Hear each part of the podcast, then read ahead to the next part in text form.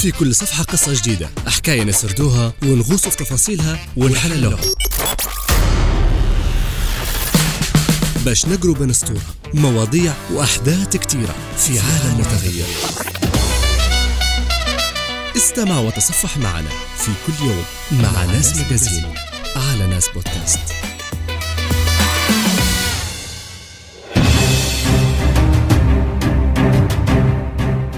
أهلا بكم في عدد جديد من مجلة ناس. تأتيكم عبر راديو ناس 104.5 أف إم في طرابلس الكبرى وعبر البث الرقمي ناس ومنصات البودكاست من خدمة ناس بودكاست. إليكم أبرز مواضيع اليوم.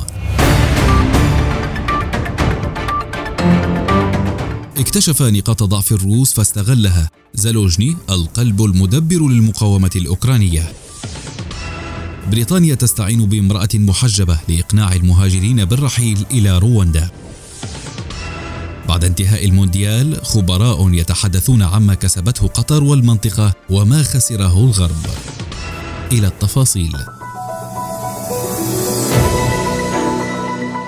منذ الرابع والعشرين من فبراير شباط عام 2022 وقف فاليري زالوجني معشوق الأوكرانيين غير التقليدي بزيه العسكري في وجه القوات الروسية في معركة أشبه ما تكون بوقفة داوود في وجه جالوت. وارتفع اسمه عندما صد الهجوم على كييف وسطع نجمه بعد تحرير خاركيف وخيرسون في هجوم مضاد مذهل. بهذه المقدمة افتتحت صحيفة لوفيغارو الفرنسية ترجمتها للقائد فاليري زالوجني الذي رفعه الأوكرانيون في شعار الله وزالوجني معا إلى مصاف الآلهة وخلدوا اسمه بين أعلى القادة العسكريين الأسطوريين للقوقاز ووضعوا صوره على أسوار المدن التي حررتها قواتهم وعلى المدارس في جميع أنحاء البلاد. وأوضحت الصحيفة في تقرير بقلم باتريك سامبول أن اسم زالوجني لمع على جبهة دونباس عام 2014 واكتسب سمعة هناك كقائد مبتكر وغير تقليدي بعد أن حقق نجاحات مدوية في الجيب الذي اجتاحه الانفصاليون بدعم من القوات الروسية. قبل أن يعين قائدا للجيش الأوكراني في يوليو تموز عام 2021 ليجدد القيادة العليا بأكملها ويغرس فيها ثقافة احترام المرؤوسين والضباط المدنيين. يقول الجنرال فيكتور نزاروف مستشار زالوجني الذي قاتل معه في دونباس إن قائده يستمع للقادة الميدانيين ويترك لهم استقلالية كبيرة ولكنه في النهاية هو من يتخذ القرار ويحدد الاستراتيجية. أما المسؤول عن التطبيق النهائي في تنفيذ الأوامر فهو الموظف الميداني. وقبل بدء الهجوم الروسي توقعت العواصم الغربية وقيادة الناتو هزيمة القوات الأوكرانية في غضون 72 ساعة أمام ثاني أكبر جيش في العالم. وكان الكرملين يأمل في رؤية القوات الأوكرانية تنهار والناس يرحبون به كمنقذ. ولكن العكس هو ما حدث إذ قاومت القوات الأوكرانية وانتفض الشعب وظهرت نقاط ضعف الروس التي لم يكن يتخيلها أحد. وفي مواجهة العملاق الروسي يحتفظ زالوجني حسب الكاتب بهدوئه ويصقل استراتيجيته يقول الجنرال نزاروف إن قائده هو من هواة التاريخ العسكري إنه يستوحي من القائد العام البيزنطيني أرماتوس الذي كان مبدأه مواجهة خصمه بقوة أصغر منه ولكنها أكثر قدرة على الحركة وأفضل تدريبا ولديها معرفة عميقة بميدان المعركة حيث يلعب الاستطلاع الذكي دورا مهما. ولذلك يقوم زالوجني بالكثير من المناورات ويحاول تجنب القتال المباشر تكتيكيته هو استنزاف العدو. ويتفاعل زالوجني بسرعة مع تحركات العدو وأخطائه حيث أدرك منذ الأيام الأولى في كييف أن الخدمات اللوجستية نقطة ضعف الروس ويوضح الجنرال فيكتور ياهون من جهاز المخابرات الأوكرانية ذلك قائلا استراتيجيتنا هي ضرب لوجستيات العدو حيث تواجه القوات الروسية التي تستخدم القطار صعوبة بمجرد أن تكون على بعد أكثر من 100 كيلومتر من محطة كبيرة وهذا هو سر منعنا لهم من الاستيلاء على المدن التي بها تقاطعات كبيرة للسكك الحديدية. وإذا كان الجيش الروسي يعطي انطباعا أوليا بأنه أقوى فسرعان ما ظهر أنه يستخدم تكتيكيات قديمة قائمة على تطبيق الأوامر بغض النظر عن النتائج. ويقول الجنرال نزاروف لم يغير الروس استراتيجياتهم منذ 200 عام. سرعان ما لاحظنا أنهم كانوا يستخدمون الصور النمطية الكلاسيكية. نحن نستغل ضعفهم لصالحنا. مشكلتهم الرئيسية أن أرواح جنودهم لا تهم. إنهم يكتشفون الإنترنت لأول مرة وقدرتهم ضعيفة للغاية على استخدام الأسلحة المتطورة. ويعتقد الجنرال يهون أن التكتيك الروسي لم يتغير منذ الحرب العالمية الثانية في حين قام الجيش الأوكراني بإصلاحات عميقة منذ الهجوم الروسي الأول عام 2014 كما تم إصلاح هيكل القيادة بشكل شامل. وتوضح حنا مليار نائبة وزير الدفاع الرئيس فلوديمير زيلينسكي غير القيادة العليا للجيش بالكامل لسنا أعضاء في الناتو لكن معاييرنا الآن أقرب إلى معاييره. مضيفة نحن ممتنون لشركائنا الغربيين لولا أسلحتهم لما كنا هنا. وعلى الرغم من انخفاض حدة القتال منذ استعادة خيرسون واستقرار الجبهة في دونباس فإن الأوكرانيين يرون أن موسكو تستعد لهجوم كبير وستحاول مرة أخرى عاجلا أم آجلا السيطرة على كييف.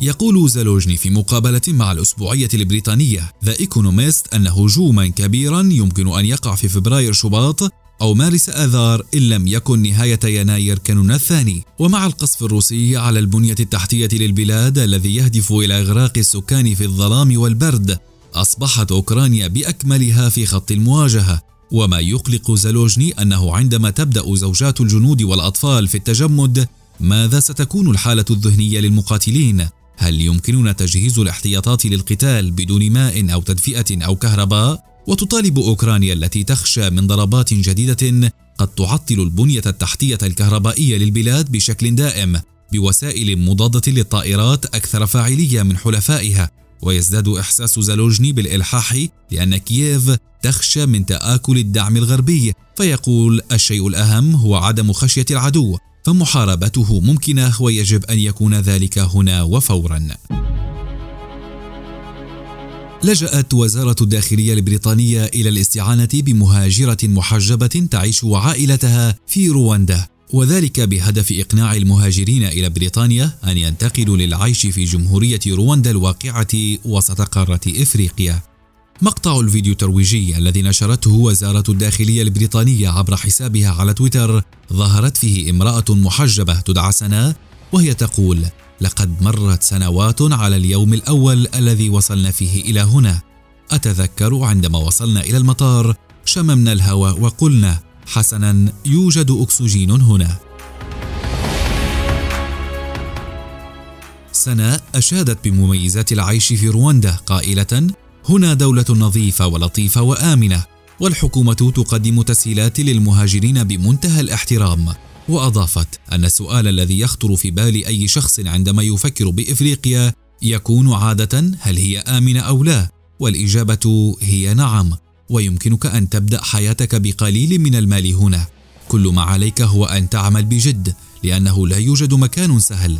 وهذا ما يجب أن تفعله في أي مكان آخر حتى ببلدك الأصلية. وأقرت الحكومة العليا البريطانيه بقانونية خطة الحكومة لإرسال طالبي اللجوء إلى رواندا.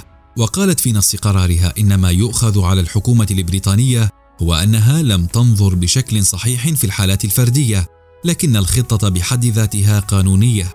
وأشادت وزيرة الداخلية البريطانية سويلا بريفرمان بالقرار قائلة ستوفر شراكتنا الرائدة في مجال الهجرة مع رواندا الدعم للأفراد الذين تم نقلهم لبناء حياة جديدة هناك وسنحارب الأعمال الخاصة بعصابات تهريب الأشخاص الذين يعرضون حياتهم للخطر من خلال عمليات عبور القوارب الصغيرة والخطيرة وغير القانونية. كانت الحكومة البريطانية قد أبرمت اتفاقا مع نظيرتها الرواندية منتصف إبريل نيسان عام 2021 يقضي بنقل المهاجرين غير الشرعيين والساعين للحصول على لجوء من الأراضي البريطانية إلى رواندا في خطة تجريبية لمدة خمس سنوات مقابل أن تحصل رواندا على دعم اقتصادي بقيمة 120 مليون جنيه استرليني نحو 146.5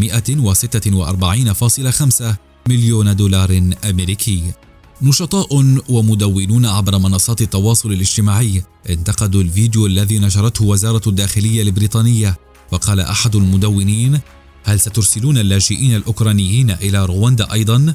أو أن هذه الحفاوة فقط متاحة لأصحاب الألوان البشرة المختلفة فيما علقت الناشطة عائشة بن علي أن أداء السيدة سناء الظاهر في الفيديو قائلة المرأة تتكلم بخوف شديد وتردد وقد تم تحفيظها هذا الفيديو كي يرى كل من يفكر في الهجرة غير الشرعية ألا يقدم على هذا الفعل وفي منتصف يونيو حزيران الماضي أيد القضاء العالي البريطاني خطط الحكومة لترحيل طالبي اللجوء إلى رواندا قبل يوم من تعليق الترحيل بقرار من المحكمة الأوروبية لحقوق الإنسان في حين اعتبرت الأمم المتحدة الخطوة سابقة كارثية. وسنويا يعبر الآلاف السواحل البريطانية على متن زوارق صغيرة وترسل بريطانيا عشرات ملايين اليوروهات إلى فرنسا سنويا للمساعدة في وقف عمليات عبور القوارب بما في ذلك تكثيف الدوريات على الشواطئ وتأمين معدات مثل نظارات الرؤية الليلية.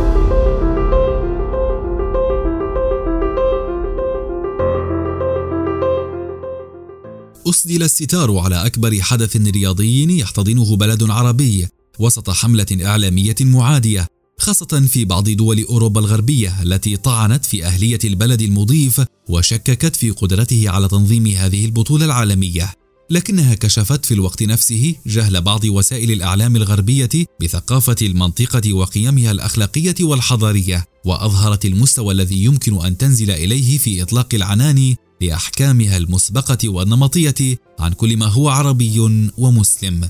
من جانب آخر سلطت حملة التشكيك والتشهير التي قادتها وسائل إعلام غربية الضوء على الإشكاليات الثقافية بين الشرق والغرب وفضحت ثقافة الاستعلاء لدى بعض الأطراف التي تريد تكريس الصورة السلبية عن العرب وفرض رؤيتها عليهم بدل اغتنام فرصة العرس الكروي الكبير لفتح آفاق الحوار بين الثقافات المختلفه وتقريب وجهات النظر بين الشعوب.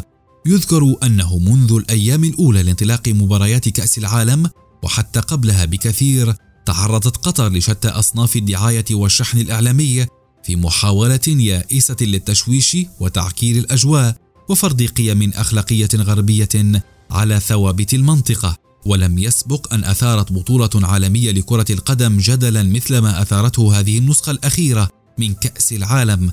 لكن عشاق كرة القدم الذين قدموا من كل حدب وصوب رأوا غير ما سمعوا في وسائل إعلامهم. وانتهت بطولة كأس العالم مسجلة أرقاما جديدة على مستوى الحضور الجماهيري والمشاهدات والعائدات المالية وإشادة دولية بحسن تنظيم بداية من حفل الافتتاح إلى الاختتام. أما الزوار والمشجعون فعادوا محملين بذكريات ستبقى محفورة في أذهانهم بعد أن اطلعوا عن قرب على العادات والتقاليد العربية وتعرفوا على الخصوصيات الثقافية للمنطقة التي حاولت بعض وسائل الإعلام وأفراد في الطبقة السياسية في الغرب عن جهل أو أجندات خفية. طمسها أو تشويه معالمها الحقيقية.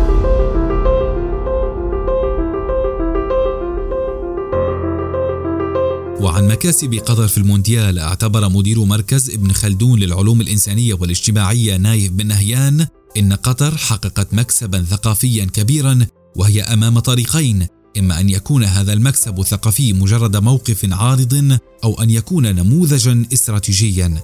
وقبل انطلاق كأس العالم نوقشت قضايا وطرحت أسئلة في وسائل الإعلام الغربية مثل أحقية بلد مثل قطر في استضافة كأس العالم وتصدرت قضايا الشذوذ الجنسي وحظر المشروبات الكحولية في الملاعب.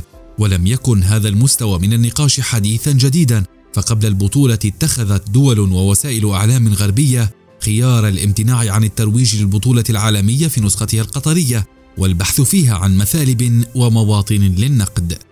وذهبت بعض وسائل الإعلام إلى تلبس دور القاضي وإثارة ملف حقوق الإنسان والعمالة الأجنبية في قطر وادعاء الدفاع عن فئة المثليين الذين تحولوا إلى تجمع ضاغط يتم الترويج له عبر الوسائل الإعلامية والثقافية. ولم يكن كل ذلك يعني جماهير الكرة التي جاءت إلى قطر باحثة عن أشياء أخرى حيث أعجبت بالكثير من تقاليد البلد ومظاهر ثقافته وتماهت مع روح كرة القدم. ورغم ذلك فإن سهام النقد للبلد المنظم لم تتوقف حتى حين كشفت البطولة عن نجاح باهر مشهود له فكان للمسة التكريم والإكبار التي خص بها أمير قطر قائد المنتخب الأرجنتيني بإلباسه البشت قراءة مختلفة في بعض منابر الإعلام الغربي التي عدتها استغلالا سياسيا أو حملة علاقات عامة لكن لم يكن الأمر كذلك بالنسبة للمشجعين. فقد غزت أعداد كبيرة منهم محلة بيع البشت في أسواق الدوحة للظفر بواحد ذكرى لحدث عاشوه ولن ينسوه. أما احتفالات لاعبي المنتخب المغربي ورقصهم فرحا مع أمهاتهم فقد تعرضت للسخرية والاستهزاء وشبهها مذيع في قناة دنماركية بتجمع عائلي للقرود.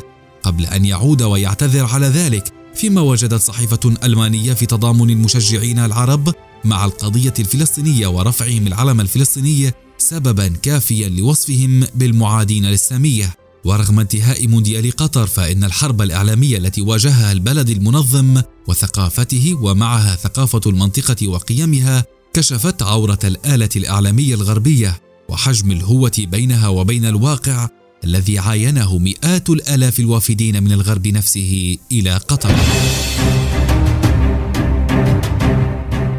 نهاية ناس ماجازين في أمان الله. في كل صفحة قصة جديدة حكاية نسردوها ونغوص في تفاصيلها ونحللوها